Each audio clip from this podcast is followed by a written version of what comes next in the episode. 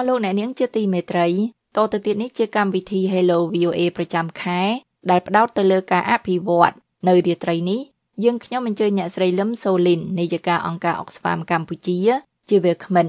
អ្នកស្រីនឹងពិភាក្សាប្រធានបទអំពីការចែកចាយវ៉ាក់សាំង COVID-19 ដោយសមត្ថធម៌ក្នុងប្រទេសកំពុងអភិវឌ្ឍចាស់ប្រិយមិត្តជាទីមេត្រី ដើម្បីការពារការឆ្លងរាតត្បាតនៃជំងឺ COVID-19 បុគ្គលិក VOA បានបដូរមកធ្វើការងារពីផ្ទះ ហើយយើងថតទុកកម្មវិធី Hello VOA នេះដូច្នេះយើងខ្ញុំមិនអាចទទួលការហៅចូលដើម្បីសួរជាសំណួររបស់ប្រិយមិត្តជាបណ្ដោះអាសន្ន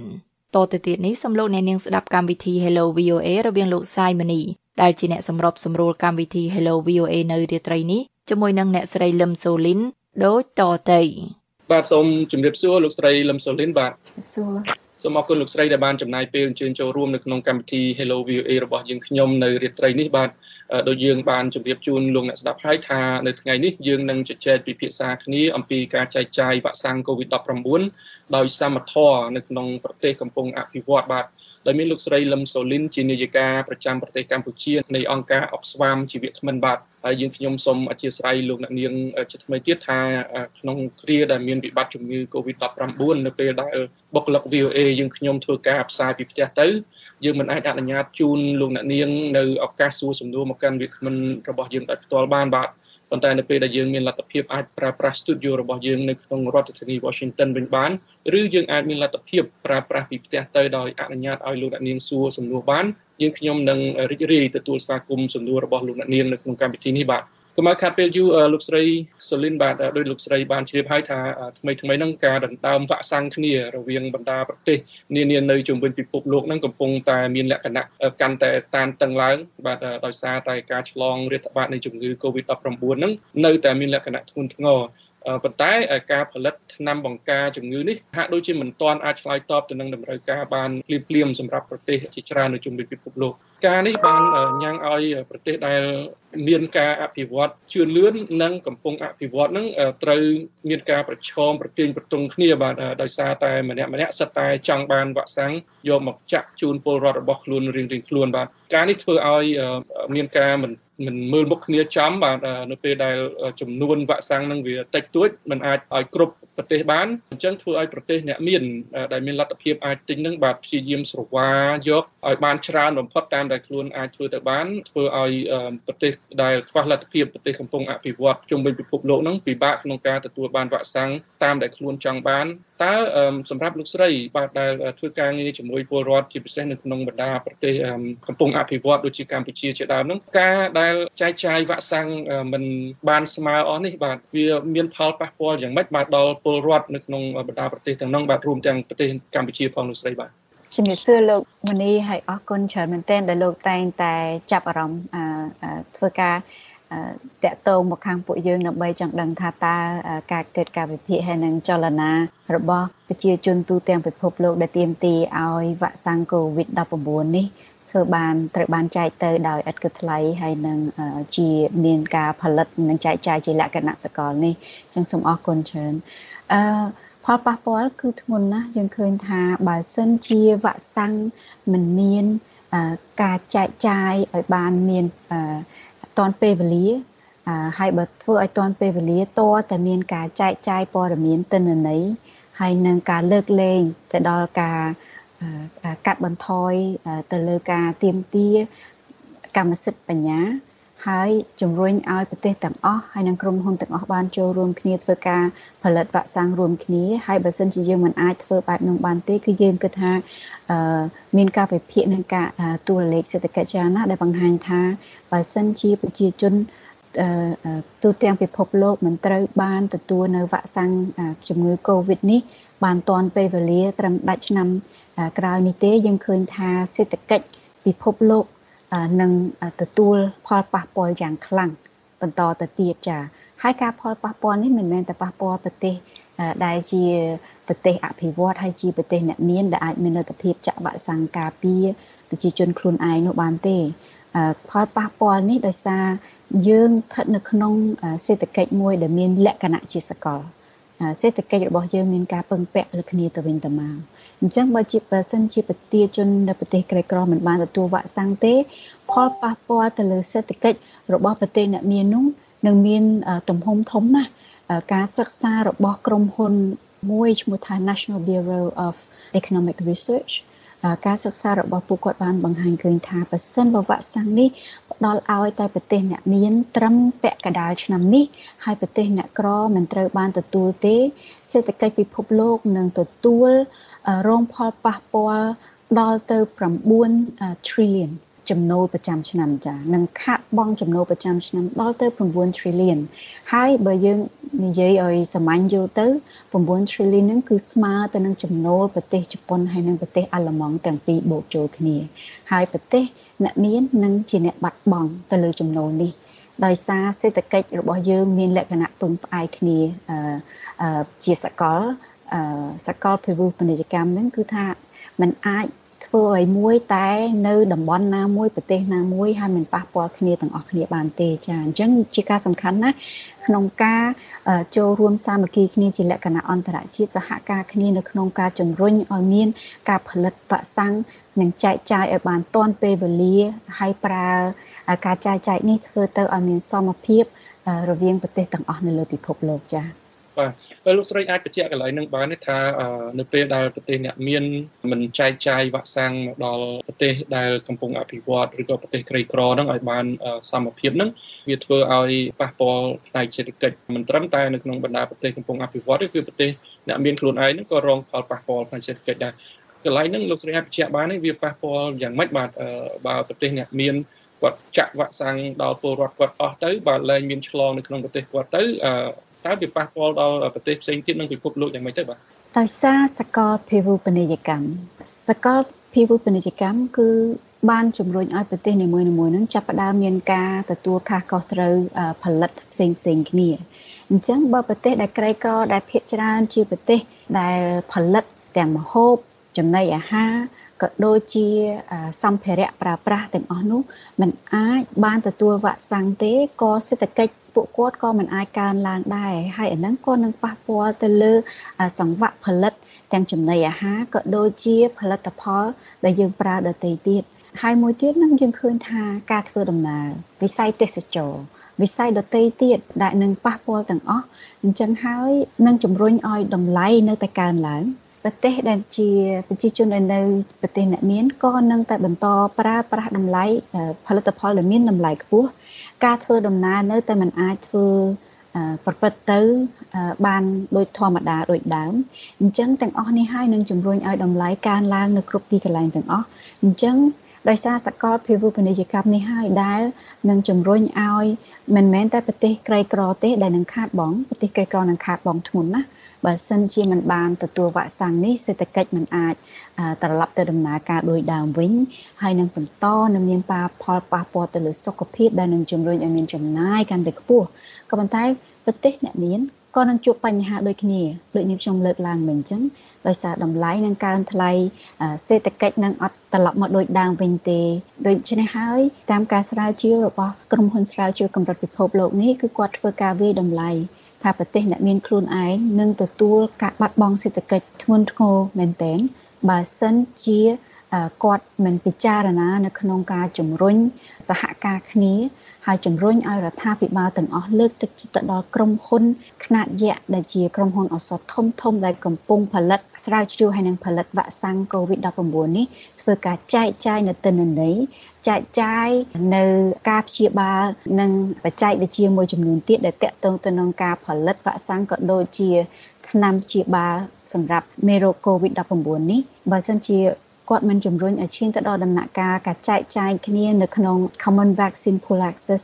ដែលគ្រប់គ្រងឡើងហើយនឹងសម្របសម្រួលដោយអង្គការសុខភាពពិភពលោកនោះទេ យើងនឹងមិនឃើញជំងឺនេះមេរោគនេះនឹងបាត់រលត់ទៅពីសកល នៅក្នុងពេលឆាប់ឆាប់នេះទេហើយសេដ្ឋកិច្ចនៅប្រទេសអ្នកមានក៏នឹងមិនមានកើនឡើងត្រឡប់ទៅដូចដើមវិញនៅពេលណាឆាប់មួយដែរចា៎បាទ សូមអរគុណលោកស្រីសូលីនបានលោកនាងពីនេះលោកអ្នកកំពុងតែតាមដានស្ដាប់ការផ្សាយរបស់វិទ្យុសំឡេងសហរដ្ឋអាមេរិកពីរដ្ឋធានី Washington បាទ Direct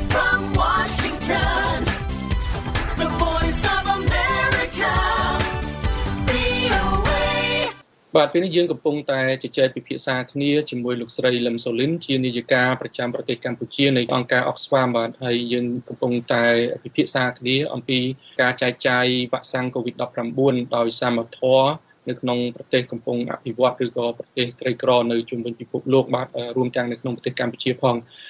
លោកស្រីសូលីនអឺតកតងទៅនឹងការចែកចាយវ៉ាក់សាំងនេះបាទក៏មានយន្តការពីអង្គការសុខភាពពិភពលោកដែលជួយ ដល់ប្រទេសដែលខ្វះលទ្ធភាពជាពិសេសប្រទេសក្រីក្រហ្នឹងគឺតាមយន្តការកូវ៉ាក់អីជាដើម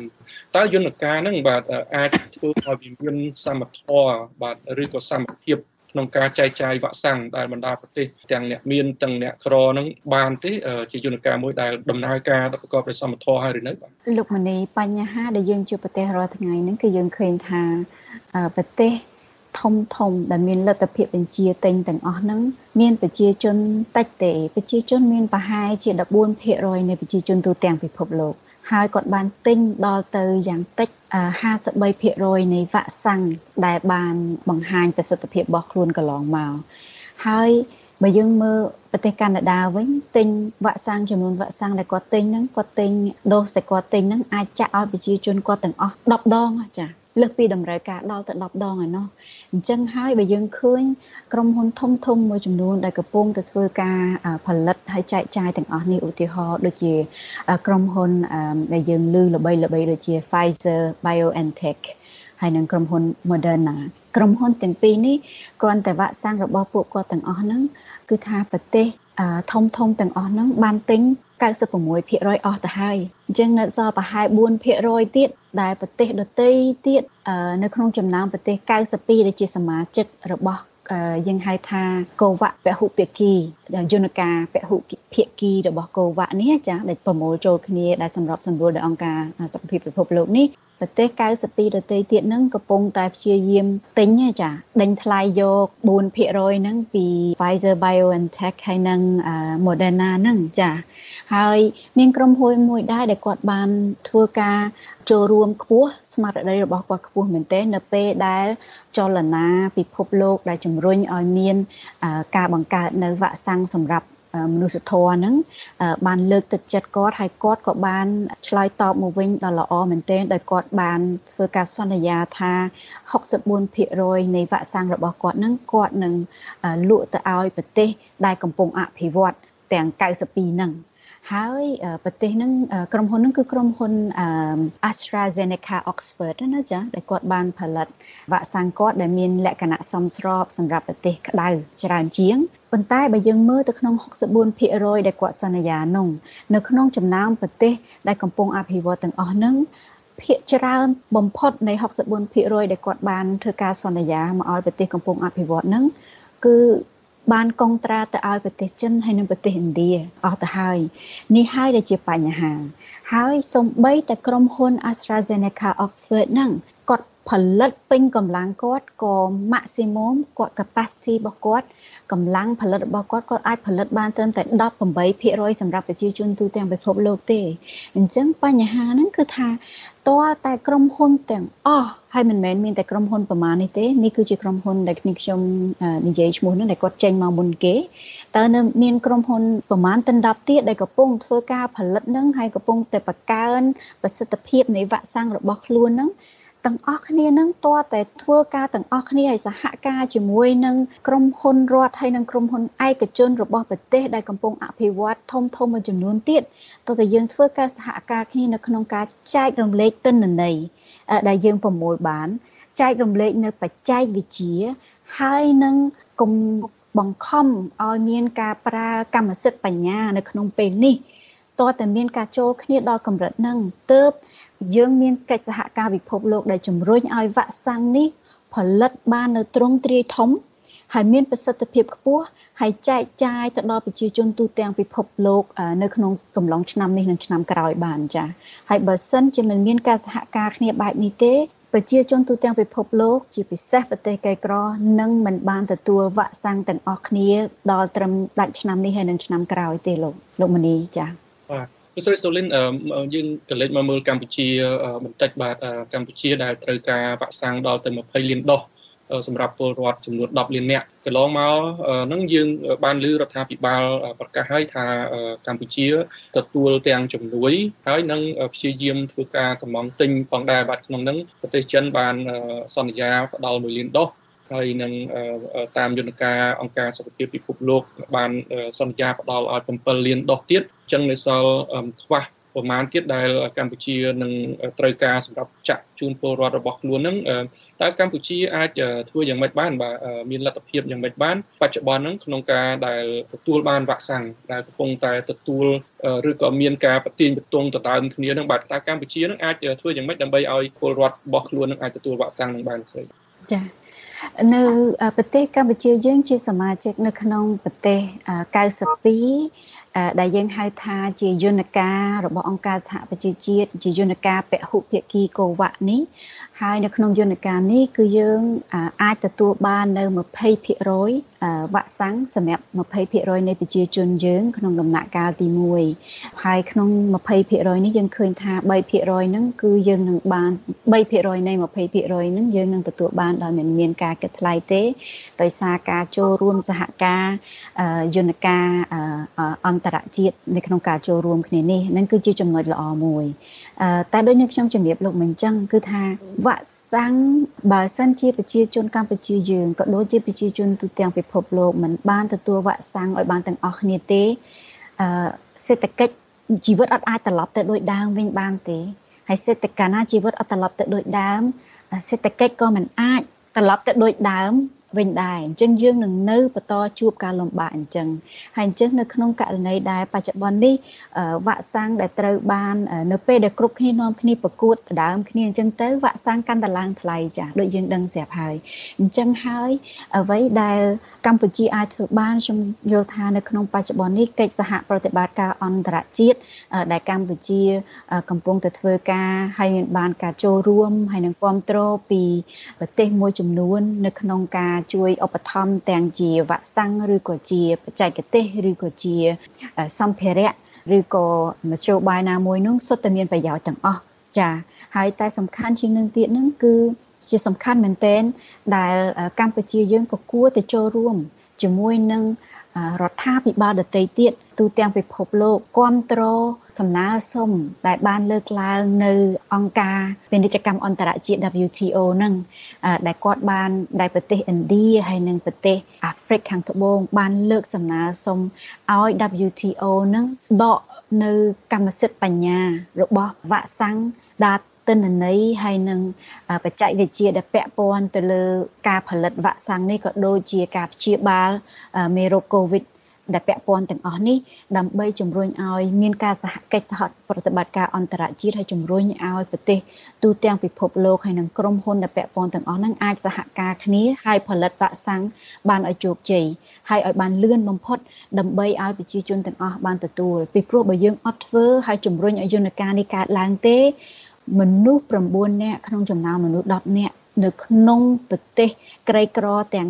92ដែលយើងលើកឡើងដែលជាសមាជិកកូវ៉ាក់នេះនឹងមិនបានទទួលវ៉ាក់សាំងនៅដំណាច់ឆ្នាំនេះហើយនឹងឆ្នាំក្រោយទេ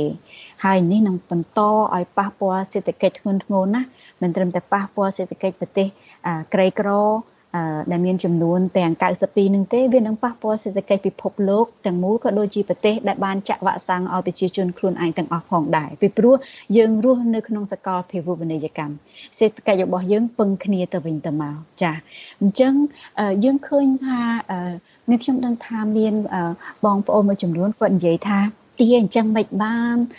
មានអ្នកខ្លះគាត់ទៅ say message មកនៅក្នុង Facebook ខ្ញុំគាត់ថាលោកស្រីអើយជាទាគេអញ្ចឹងហើយហើយក្រុមហ៊ុនគេខំប្រឹងអស់លុយធ្វើការស្រាវជ្រាវរោគវ៉ាក់សាំងមិនឲ្យគេលក់ចំណេញមិនវាមានពីរ3ចំណុចលោកមនីទី1 វ៉ាក់សាំងដែលក្រុមហ៊ុន ដែលខ្ញុំលើកតែឈ្មោះ3 4មិញហ្នឹងអញ្ចឹង AstraZeneca Oxford Pfizer BioNTech ហើយនឹង Moderna តែក្រុមហ៊ុនទាំង3ហ្នឹងបញ្ចូលគ្នាហ្នឹងមកដល់ថ្ងៃនេះគាត់ការស្រាវជ្រាវរបស់គាត់មិនត្រឹមតែវ៉ាក់សាំងនេះក៏ដូចជាវ៉ាក់សាំងហើយនឹងរឿងអីផ្សេងទៀតគាត់បានទទួលការផ្ដល់ថវិកាពីសាធារណៈនឹងដល់ទៅ5កោដដុល្លារឯណោះចា៎ ទាំងជាការបងពុនទាំងជាការផ្ដល់ជំនួយមនុស្សធម៌ដែលក្រុមហ៊ុនគាត់គាត់ទាំងអស់បានផលប្រយោជន៍ពីទាំងអស់នេះអញ្ចឹងមិនមែនជាលុយដែលគាត់យកទៅដាក់ធ្វើខ្លួនឯងទាំងអស់នោះទេចាមិនមែនជាការវិនិយោគរបស់គាត់សុទ្ធនឹងទេទី2ក្រុមហ៊ុនទាំងអស់នោះមកដល់តែត្រឹមការបញ្ជាទិញដែលគាត់លក់មកត្រឹមថ្ងៃនេះហ្នឹងគឺមិនត្រឹមតែរួចដើមទេចំណេញលើសលប់បាត់ទៅហើយចា ហើយយើងកំពុងតែរស់នៅក្នុងសកលភាវូបនីយកម្មចំនួនមួយដែលប្រជាជន យើងពាក់ព័ន្ធគ្នាយើងពឹងគ្នាទៅវិញទៅមកក្នុងនាមជាប្រជាជនរបស់សកលលោកទាំងមូលហើយនៅពេលដែលមេរោគជំងឺនេះមានទ្រង់ទ្រាយផលប៉ះពាល់ធ្ងន់ធ្ងរយ៉ាងនេះតើគាត់អាច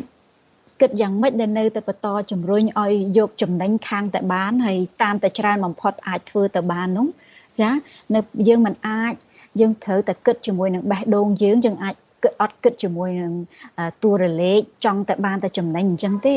ជំងឺសកលហើយដែលប៉ះពាល់ដល់អាយុជីវិតមនុស្សឆ្លងជាង100លាននាក់មនុស្សស្លាប់ជាបន្តបន្ទាប់តើយើង ខ្ញុំមិនដឹងថាតើក្រុមហ៊ុនទាំងអស់នោះគាត់អាចនឹងបន្តបិទភ្នែកបានយូរប៉ុណ្ណាទេ ហើយគាត់បានទទួលចំណេញរួចទៅហើយអានឹងជាចំណុចទី2ចំណុចទី3បើយើងធ្វើការសហការទាំងអស់គ្នា ក្នុងនាមជាប្រជាជនទូទាំងពិភពលោក នៅក្នុងនាមរដ្ឋាភិបាលទូទាំងពិភពលោកអឺជំរុញលើកទឹកចិត្តឲ្យក្រុមហ៊ុនទាំងអស់នេះធ្វើការចូលរួម យើងឃើញ AstraZeneca Oxford គាត់បានធ្វើកិច្ចសន្យាមួយចំនួនហើយគាត់បានដើរមួយជំហានធំមែនទែននៅក្នុងការចូលរួមអញ្ចឹងយើងនឹងលើកទឹកចិត្តបន្តទៀតមានក្រុមហ៊ុនមួយចំនួនទៀតដែរដែលគាត់ថាគាត់នឹងព្យាយាមចែករំលែកព័ត៌មាន អញ្ចឹងយើងសង្ឃឹមថាពួកគាត់នឹងបន្តជំរុញលើកទឹកចិត្តគ្នាតទៅមុខទៀតហើយយើងសង្ឃឹមថារដ្ឋាភិបាលទាំងអស់នឹងលើកទឹកចិត្តហើយជំរុញឲ្យអង្គការ WTO ដើម្បីលើកលែងកម្មសិទ្ធិបញ្ញាដើម្បីទាំងអស់គ្នាអាចបានប្រើវ៉ាក់សាំងឲ្យបានឆាប់បាទសូមអរគុណលោកស្រីសូលីនបាទលោកអ្នកនាងពេលនេះលោកអ្នកកំពុងតែតាមដានស្ដាប់ការផ្សាយរបស់ជុសំឡេងសហរដ្ឋអាមេរិកដែលផ្សាយចេញពីរដ្ឋធានី Washington បាទ Direct from Washington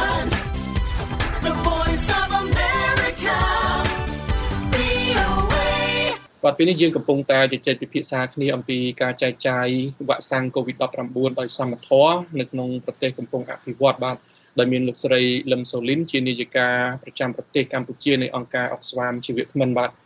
លោកស្រីសូលីនបាទដោយសារពេលវេលាយើងគៀកទៅហើយខ្ញុំចង់ឲ្យលោកស្រី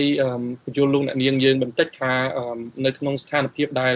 ការព្យាយាមដណ្ដើមគ្នាដើម្បីចង់បានវ៉ាក់សាំងហ្នឹងយើងឃើញនៅក្នុងពេលថ្មីថ្មីហ្នឹង ទាំងនៅក្នុងសហភាពអឺរ៉ុបឬក៏នៅជុំវិញពិភពលោកបាទរហូតដល់មានការដណ្ដើមគ្នាឆ្លោះគ្នា